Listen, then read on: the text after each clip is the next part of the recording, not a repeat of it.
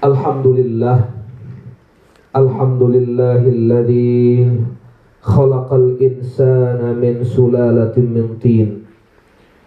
Ashhadu an la ilaha illallah wa ashhadu anna muhammadar rasulullah.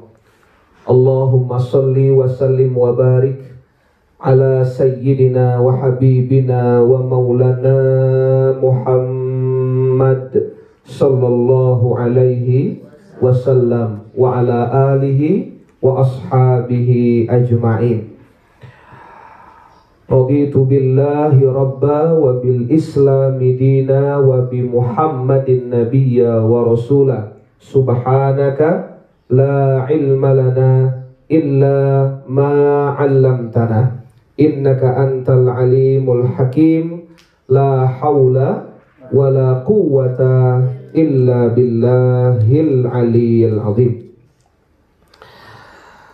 Ayah bunda keluarga besar Bang Edwin yang insya Allah pada pagi pada sore hari ini semoga kita semua senantiasa dalam naungan rahmat kasih sayang dari Allah Subhanahu wa taala. Amin ya rabbal alamin. Bersyukur kepada Allah Subhanahu wa taala dengan mengucapkan alhamdulillahi rabbil alamin. Dilanjutkan dengan bersolawat kepada baginda Rasul Nabi besar Muhammad sallallahu alaihi wasallam. Ayah bunda, adik-adikku sekalian, keluarga besar Bang Edwin yang kami muliakan dan insya Allah kita semua dimuliakan Allah Subhanahu wa Ta'ala Di dalam Al-Quran, surah Al-Duha, tentu sudah sama-sama kita hafal ya. Coba kita sama-sama baca surah Al-Duha yang sudah kita hafal sebelumnya. Dari awal sampai selesai. Dimulai dari ta'awudz. أعوذ بالله من الشيطان الرجيم بسم الله الرحمن الرحيم والضحى والليل إذا سجى. ما ودعك ربك وما قلى. وللآخرة خير لك من الأولى. ولسوف يعطيك ربك فترضى. ألم يجدك يتيما فآوى ووجدك ضالا فهدى ووجدك عائلا فأغنى فأما اليتيم فلا تقهر وأما السائل فلا تنهر وأما بنعمة ربك فحدث صدق الله العظيم Ayah bunda di ujung ayat ayat terakhir wa amma bi ni'mati rabbika fahadith dan terhadap nikmat dari Tuhanmu dan terhadap nikmat dari Allah. Fahadith maka tampakkanlah sampaikanlah perlihatkanlah. Subhanallah. Inilah kenapa kita berkumpul sore ini. Dalilnya akhir surah Ad-Duha. Allah perintahkan kita kalau dapat nikmat yang pertama wa amma bi ni'mati rabbika. Sadari bahwa nikmat itu datang dari Allah. Gitu. Gak boleh kita merasa, oh ini karena kehebatan saya. Ini karena kepintaran saya. Ini karena kemampuan saya. Nggak boleh. Kalau semuanya saya, saya, saya, tidak ada perkataan yang mengaku-aku saya dalam Quran kecuali di, disampaikan seorang makhluk Allah yang namanya iblis. Ana khairum minhu saya lebih baik dari Adam saya. Ya. Karena orang yang selalu mengaku-aku tentang dirinya, dia lupa tentang siapa yang memberikan kekuatan yaitu Allah Subhanahu. Apa yang terjadi kemudian sombong. Gara-gara bilang saya, iblis nggak mau sujud. Gara-gara bilang saya, iblis nggak taat kepada Allah. Maka adab pertama kita apa pun nikmat. Nah, ini agak sedikit menarik. Di dalam ayat wa amma bi ni'mati, pakai ain dia. Ni'mati. Tapi ayat ni'mat diadopsi ke dalam teks bahasa Indonesia pakai k. Betul ya? Nikmat. Padahal kalau dalam bahasa Arab huruf ain yang tadi diganti ka itu jauh makna pak nikmat dengan nikmat beda kalau nikmat segala sesuatu yang diberikan Allah kepada kita mendatangkan kebaikan makin dekat kita ke Allah itu namanya nikmat mau dia buruk mau dia baik kalau buat dekat tuh nikmat maaf kadang-kadang ada orang yang Eh, kadang-kadang uh, ada orang yang sakit jauh lebih dekat ke Allah daripada orang yang sehat. Ternyata sakit itu nikmat. Mungkin ketika dia sehat lupa bersyukur, ketika dia sehat jarang bersih berzikir. Begitu dititipkan sama Allah sakit, bentar-bentar ya Allah, ya Allah, ya Allah. Oh, itu nikmat. Eh ada orang yang diberikan oleh Allah kesenangan, kebahagiaan, kekayaan, justru makin jauh dia dari Allah. Itulah yang namanya nikmat. Tuh, hati-hati. Kita mau apa? Mau nikmat atau mau nikmat? Nikmat. Ya.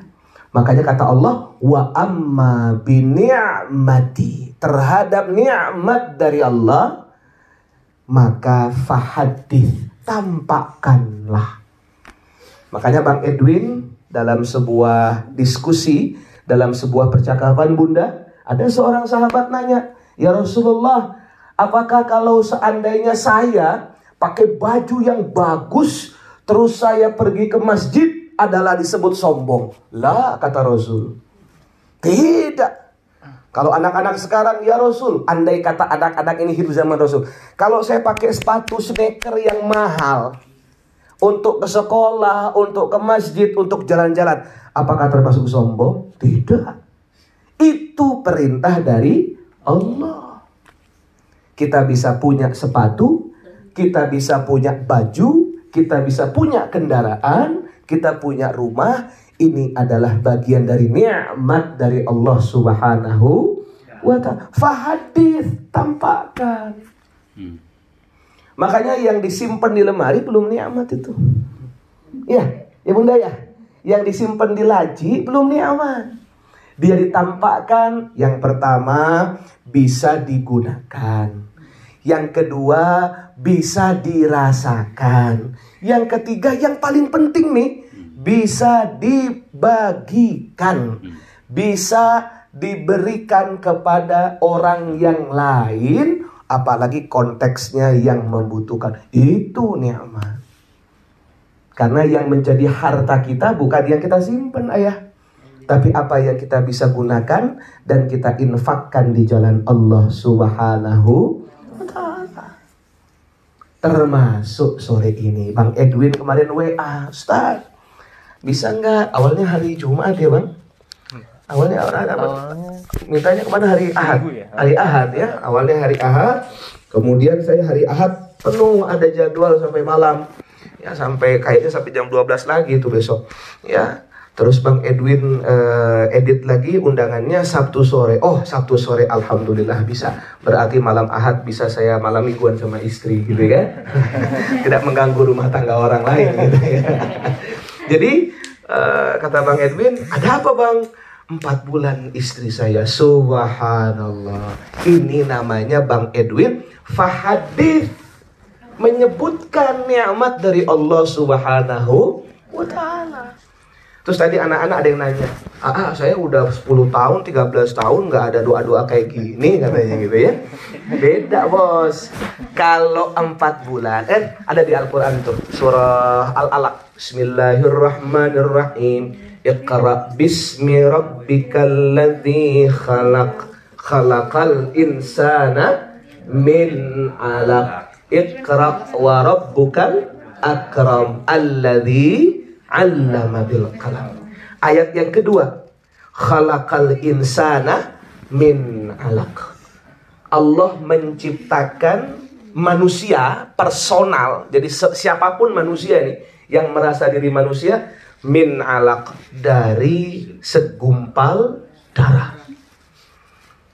Nah, ketika yang segumpal darah itu Allah berikan rentang waktu seperti yang dibacakan sama Abang Edwin tadi selama empat bulan. Nah, di situ sudah ada tanda-tanda kehidup kehidupan. Makanya kalau Bang Edwin, kemudian istri, kemudian ibu bawa ke dokter kandungan, oh ini sudah ada jantung. Betul bunda ya? Walaupun bentuknya kalau kata dokter kandungan, ah masih seperti sebesar jempol paling panjangnya. Betul bunda ya? Tapi sudah ada detak jantung, berarti dia sudah hidup. Nah, karena dia sudah hidup, kita lihat hadis Nabi Shallallahu Alaihi Wasallam. Kalau sudah usia empat bulan, Allah tuliskan beberapa perkara tentangnya. Yang pertama Allah tetapkan umurnya. Ya kan? Ini anak nih, ini bakal janin nih, berapa usianya itu udah ditulis sama Allah empat bulan. Kemudian yang kedua rizkinya. Ya? Rizkinya sudah Allah tulis, tuliskan. Dan yang ketiga tentang kematiannya. Kemudian yang keempat tambahan di hadis yang lain nasibnya atau perjalanan hidupnya sudah ditentukan oleh Allah Subhanahu wa taala. Makanya punten kalau janin sudah berusia empat bulan tidak boleh digugurkan. Hmm. Betul ya Bunda ya? Tidak boleh digugur. Hukumnya sama kayak membunuh orang yang dewasa. Di sinilah Allah sangat menjaga yang namanya nafs. Makanya ayah bunda di antara sabab Allah turunkan Al-Quran, Allah datangkan utus Nabi Muhammad Sallallahu Alaihi Wasallam ada namanya makosidus syariah. Apa ayah anda? Apa bunda? Makosidus syariah. Makosid itu maksud. Syariah, syariat.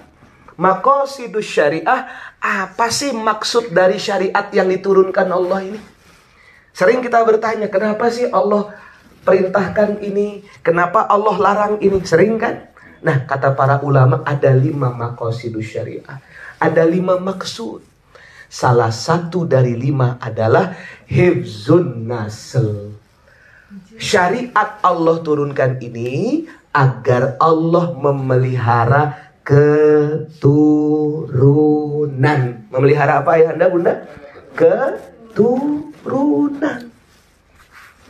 Karena hidup ini akan terus mengalir. Gak boleh berhenti. Nah makanya Allah turunkan syariat. Ibarat kata adik-adik kayak rel pada kereta api. Kalau kereta api itu mau sampai ke Manggarai, itu pastikan gerbong utama sampai gerbong ekor on the track, on the rail itu. Ketika dia keluar dari rel, anjlok bisa mencelakakan yang di dalam, bahkan bisa mencelakakan yang di luar rel. Oh ini bahaya.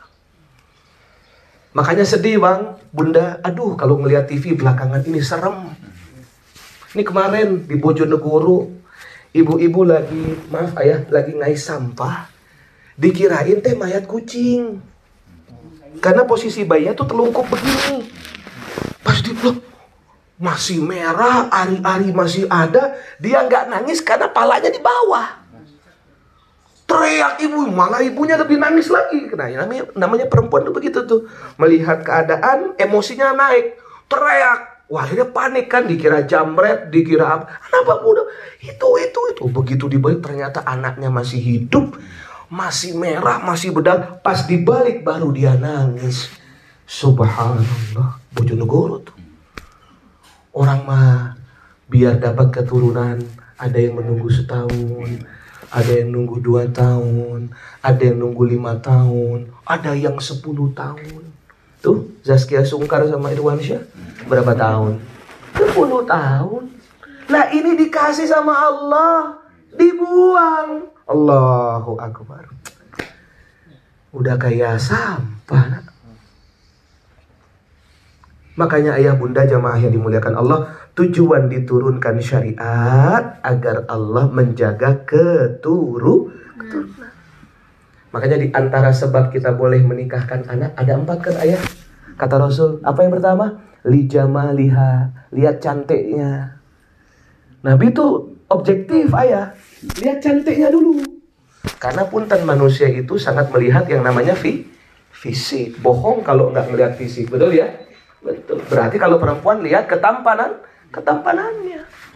Yang kedua, lima liha, lihat har, harta. Boleh menikahi anak yang kaya boleh.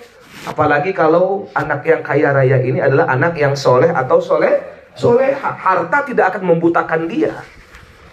Yang ketiga, lina sabiha, nasab, keturunan. Ya ya bunda, karena keturu, keturunan berarti maksudnya nasab ini adalah kita lihat silsilahnya. Ke atas itu siapa sih? Cek and recheck dulu. Kalau DPR aja melakukan fit and proper test ayah kepada Kapolri kemarin, kepada Jenderal Andika Perkasa, masa untuk teman hidup sedunia sesurga nggak ada fit and proper test kan begitu? Kayak beli kucing dalam karung aja. Baru yang terakhir lidiniha karena agama. Teman saya protes, Ustadz kok Rasul bilang agama paling akhir, berarti nggak prioritas. Oh salah. Pahami, dari empat ini yang paling pertama hilang yang mana? Cantik. Makanya Nabi sebut yang pertama. Dia paling pertama menggoda, tapi paling pertama hilang. Buktinya, perempuan subhanallah. Gara-gara kecantikannya kadang-kadang ribet dengan dirinya sendiri. Ada krim pagi, krim zuhur, krim duha, krim asar, krim maghrib, krim tahajud. Wah, enam botol tuh apa dia? Belum serumnya, vitamin E, bedak, blush on, wah semuanya. Kalau untuk suami nggak apa-apa ya bang? Iya. Masya Allah. Saya beliin make up istri aja, waduh harganya. Kita mah laki-laki pakai life boy aja udah bisa itu ya. Ini perempuan luar biasa. Tapi itulah yang pertama hilang adalah kecantikan. Makanya kalau abang Edwin cinta istri karena cantik, bentar itu hilang. Ada yang lebih cantik lagi kalau karena kecantikan tergoda. Yang kedua disebutkan harta. Harta yang paling hilang kedua cepat. Berapa lama sih harta? Apalagi kalau meninggal dunia, wah bisa cari lagi yang baru. Laki-laki emang nggak tahan. Ya nggak kuat. Kalau perempuan tinggal meninggal suami bisa setia sampai mati. Laki-laki maaf sekarang dikubur besok sudah nikah nikah lagi. Apalagi uh, istrinya meninggalkan warisan dan suami punya dapat hak di situ. Yang ketiga nasab. Nah, nasab ini rada-rada berat karena dekat dengan agama, makanya dia di paling akhir. Makanya adik-adikku sekalian jamaah yang dimuliakan Allah penting bagi kita. Oh iya, ternyata agama ini Allah turunkan agar Allah menjaga kita punya nasab. Agar Allah menjaga kita punya keturu, keturunan. Muhammad bin Abdullah bin Abdul Muthalib bin Hashim bin Hashim bin Abdul Manaf bin Kusoy bin Kilab bin Murroh. Delapan tingkat ke atas Nabi. Itu jelas tuh. Dan semua yang di atas Nabi itu keturunannya adalah keturunan terbaik. Bang Edwin tahu nggak atasnya Bang Edwin siapa? Bang Edwin bin bin Iis Sutrisna bin Benung Setiawan. Benung Setiawan bin Nur Jaman. Nur Jaman bin Paling satu empat. Ini survei nih pak. Ini PR nih. Ini PR. Ya. Jadi ada kebiasaan orang Arab yang bagus banget. Makanya kenapa syariat Islam itu terakhir turun di Arab. Karena orang Arab tuh rapi sila-sila, Pak. Rapi sila-sila. Sila-sila. Dari situlah kita tahu bibit, bebet, dan bobotnya. Tapi saya yakin insya Allah janin yang di dalam kandungan istri adalah sesuatu yang penuh dengan kebaikan karena orang tua ke atasnya adalah orang-orang yang soleh. Amin amin ya robbal. Oleh karena itu adanya syariat. Nah, bagaimana caranya agar ada bagaimana caranya agar nasab ini terjaga, adik-adik sayang dan ayah bunda sekalian? Itulah kenapa Allah perintahkan nikah. Betul ya? Supaya nasab jelas nikah. Bukan pacaran-pacaran. Nih, ini udah malam Udah tanggal berapa nih? Udah tanggal 25 Desember. Nih lagi 6 hari nih. Bencana syubhat, bencana syahwat, malam tahun baru. Maaf. Survei membuktikan Bunda di semua portal koran yang saya baca. Maaf, saya nggak pakai mikrofon. Penjualan alat kontrasepsi meningkat lima kali lipat di semua apotek. Kalau yang membeli adalah adalah suami istri yang sah nggak ada masalah. Nah ini yang beli siapa? Apalagi kalau pandemi ini sudah mulai terkendali. Siapa yang bisa menjaga anak-anak kita? Makanya tadi ketika saya mau ke sini, bang saya nggak mau, saya nggak mau ngajak, saya biar cuek-cuek aja. Tapi mereka inisiatif. Kamu ke mana? Mengaji. Di mana? Pelangi empat. Ikut tuh. Berarti udah punya kesadaran. Anak-anak kayak begini nih yang kita harus jaga. Kita nggak perlu ngajak ngomong, kita nggak perlu nyuruh, kita cuek pura-pura cuek, pura-pura nggak ngajak, eh dia mau ya sudah. Konsumsi ditanggung sama penumpang. Ditanggung sama yang undang kan gitu ya. Nggak cukup ya nggak apa-apa pisang sesuatu lah gitu. Ya kan? Yang penting anak-anak kita berkumpul dengan ayah bundanya yang soleh dan soleha. Itulah makanya Allah syariatkan pernikahan. Dan dari situ juga Allah haramkan perzina perzina supaya jelas nasab bayangkan berani buat tapi nggak berani bertanggung jawab. Ini kan pecundang namanya. Kalau ente benar-benar cinta dan benar sayang, datangin bapaknya, kemudian akad nikah selesai. Perkara nanti apakah Allah titipkan segera atau dalam tempo yang Allah tentukan, itu adalah rahasia dari Allah Subhanahu wa taala. Innallaha indahu ilmus sa'ah wa ya'lamu ma fil arham. Akhir surat Luqman hanya di sisi Allah lah ilmu tentang kapan terjadi kiamat. Wa ya'lamunal ghaitha dan dia paling tahu kapan pergantian cuaca. Kemarin kan panas banget tuh ayah hari Jumat tuh. Waduh mungkin bunda juga ngerasa Apalagi saya yang dari luar khutbah ngajar segala macam Wah itu panasnya luar biasa Eh tiba-tiba setengah tiga Kulap kayak maghrib Betul nggak bunda? Saya aja bangun tidur, ah astagfirullah maghrib sebelum asar. Lihat jam, eh masih setengah tiga. Alhamdulillah belum kelolosan begitu. Jadi panas, tiba-tiba hujan, itu hanya Allah yang bisa ngatur. Iya. Wa ya'lamu ma fil arham. Dan yang paling tahu urusan alam rahim adalah Allah. Mungkin ada yang nanya, ya kan sekarang ada USG. Ya kan? Sekarang ada USG, bahkan saya lewat di Margonda di rumah sakit Bunda itu ada USG 4 dimensi sekarang. Dulu zaman ayah mungkin ya, zaman Bunda ya mungkin hitam putih aja ya. Sekarang udah kelihatan matanya, ukuran palaknya, bentuk jan. Itu bisa kelihatan Bunda dengan ke kemajuan teknologi luar biasa. Tapi terus katanya Allah Allah yang paling tahu urusan alam rahim. Betul. Kalau dulu belum ada teknologi, betul. Ini anak laki perempuan hanya Allah yang tahu sampai baru lahir. Oh laki, oh perempuan kan begitu. Di zaman Arab jahiliyah kan nggak tahu tuh laki perempuan. Tahu tuh kalau perempuan dikubur aja. Ya kan? Sekarang malah lebih jahiliyah lagi. Belum keluar udah dihancurin tuh. Betul nggak bunda? Belum keluar udah dihancurin aborsi. Kan lebih jahiliyah sekarang. Di zaman Arab keluar dulu, dikasih kesempatan hidup dunia dulu, baru ditanam hidup-hidup. Itu aja jahiliyah. Lah bagaimana dengan hari ini? Gitu kan? Nah, terus bagaimana? Katanya hanya Allah yang tahu urusan rahim. Sekarang kan ada USG. Betul, kamu bisa ngelihat bentuknya. Tapi kamu tidak tahu tentang nasib janin itu ke masa depannya. Ini hanya Allah yang tahu. Apakah dia bisa tumbuh dengan baik? Apakah dia bisa lahir normal, sesar? Kan nggak tahu kita. Kemudian apakah umurnya panjang atau pendek setelah lahir? Semuanya hanya ada pada urusan Allah.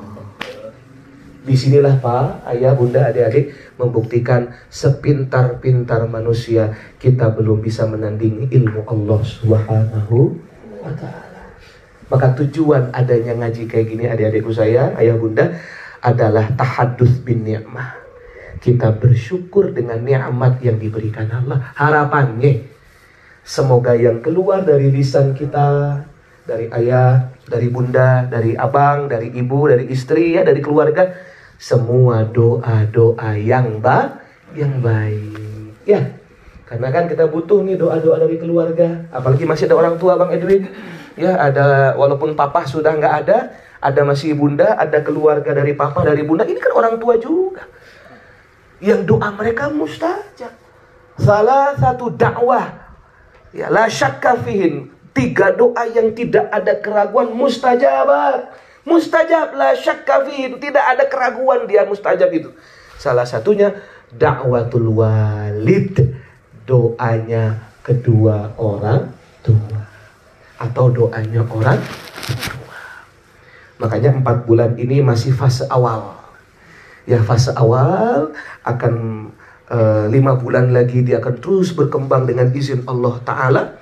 Ya, mudah-mudahan yang pertama dengan hadir kita di sini semua doa yang keluar dari lisan kita, terutama dari dalam lubuk hati kita, doa yang terbaik untuk istri Bang Edwin dan keluarga. Semoga janin yang Allah titipkan itu diberikan kesehatan oleh Allah, keafiatan, keselamatan. Janinnya sehat, ibunya sehat. Ibunya sehat, abangnya sehat.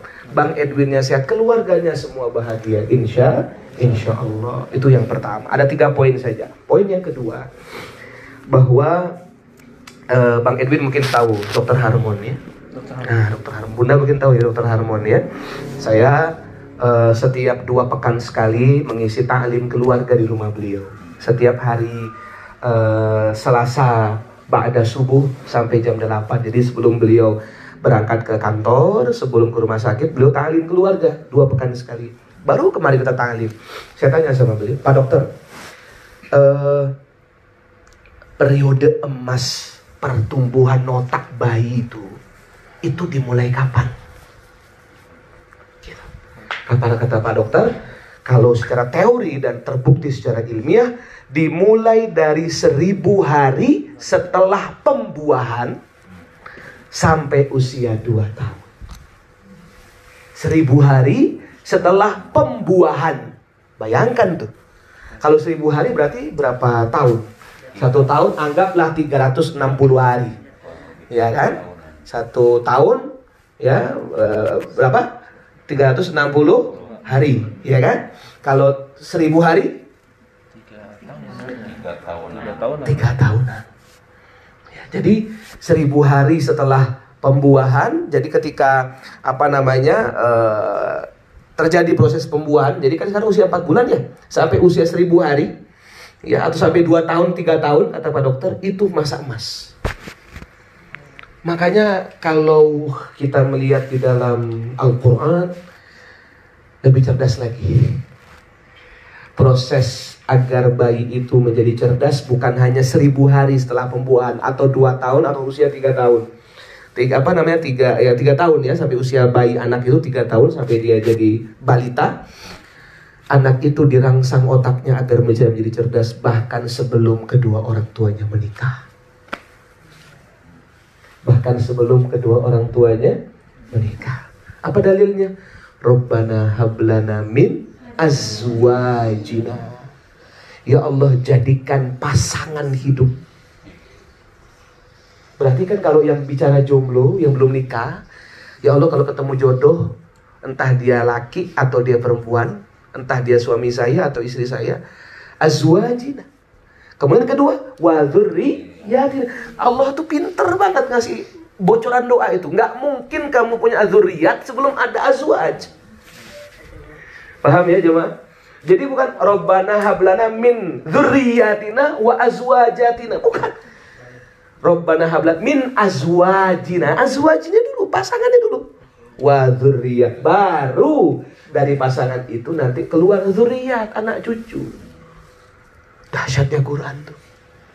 Makanya kalau calon suaminya orang soleh, istrinya soleha, ini udah bibit unggul. Yakin, pasti, kalaupun nanti Allah titipkan, Allah titipkan generasi yang terbaik. Buktinya apa? Waja'alna lil muttaqina imama. Puncaknya tuh. Anak kita, keluarga kita, kita semua menjadi pemimpin bagi orang yang bertakwa. Apakah harus kaya? Apakah harus punya gelar? Apakah harus punya jabatan? Enggak. Syaratnya cuma satu, kurota ayun. Yang penting pasangan hidup saya, yang penting anak saya kurota ayun. Apa itu kurota ayun? Menyejukkan pandangan mata, menenteramkan hati. Bunda, kalau misalkan Bunda punya anak kaya banget. Terus dia bilang sama Bunda, Bun, misalkan ini, Bun, ini duit sejuta. Gitu caranya. Sejuta pun pakai belanja. Bunda mau nggak terima? Padahal bunda butuh loh sejuta. Tapi dia sih gini ini bun juta ya. Assalamualaikum. Ibu mau terima? Apa yang akan bunda lakukan? Daripada kamu lempar nak lebih baik bunda miskin. Keluar air mata tapi kalau anaknya mak Duh maaf ya ini belum gajian masih nyicil motor ini ada sedikit mak 200 ribu. Ya bisalah beli cilok. Bisa beli telur gulung gitu ya. Bisa beli wardah gitu. Bunda terima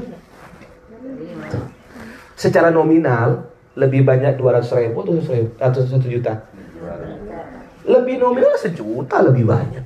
Tapi nilai, oh lebih bernilai yang sedikit. Apalagi banyak tapi berakhlak mah. Nggak banyak-banyak satu miliar aja. Dikit mah. Oh makasih nah. Wah itu ibunya yang tadinya stres, pusing, rungseng gitu ya.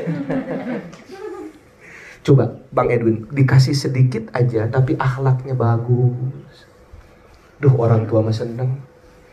Apalagi dikasih banyak dan akhlaknya mulia dan bagus. Luar biasa. Itu namanya kurota ayun simpelnya begitu. Dan orang tua hanya menginginkan anak-anaknya menjadi anak-anak yang jauh lebih baik dari kita. Insya Allah. Dan yang terakhir Bang Edwin ini putra atau putri keberapa? Kedua. Kedua ya pertama laki perempuan. Laki. Masya Allah Bentar lagi jadi ini laki ya, berarti jadi tadi jadi abang. abang.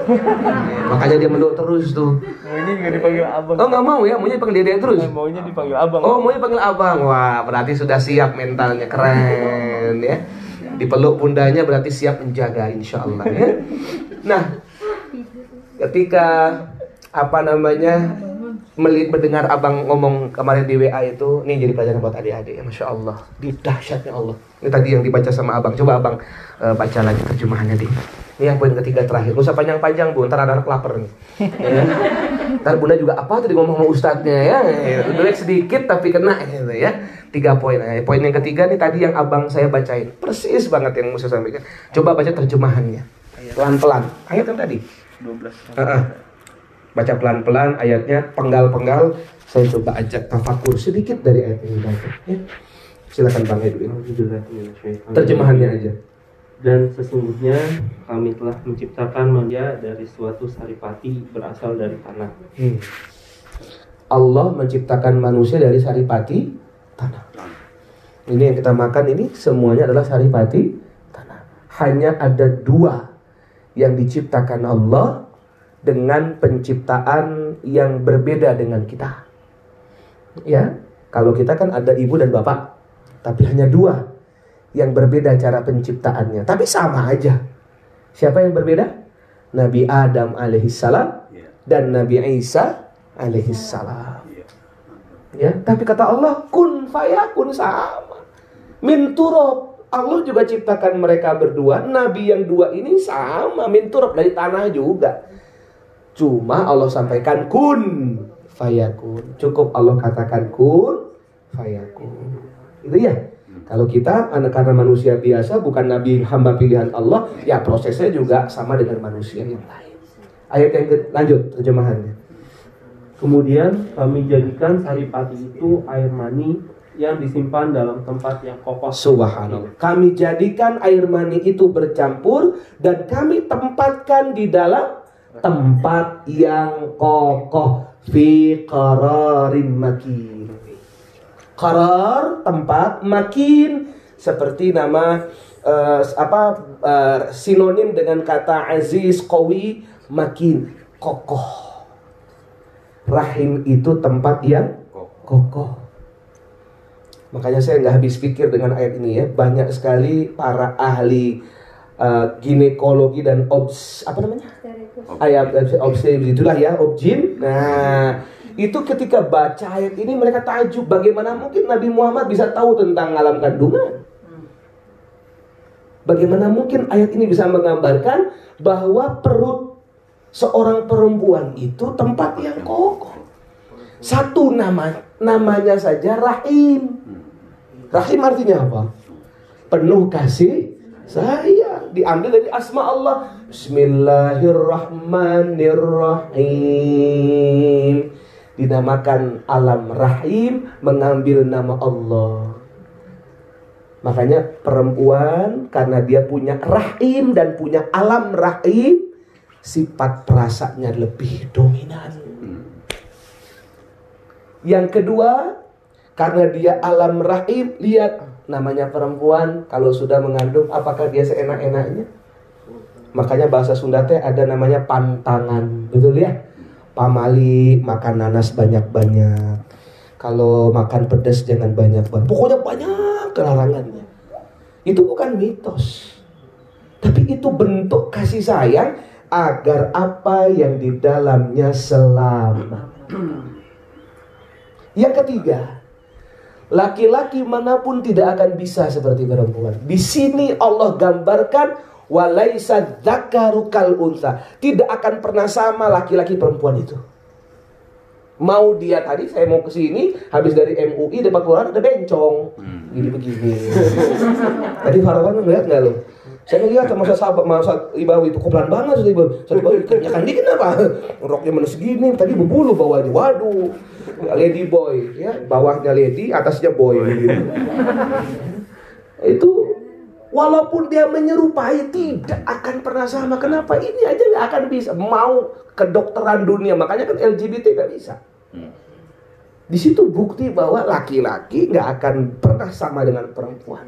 Laki-laki mah pasangannya perempuan, nggak laki-laki sama laki-laki. Adam itu temannya Hawa, bukan Adam dan Jono.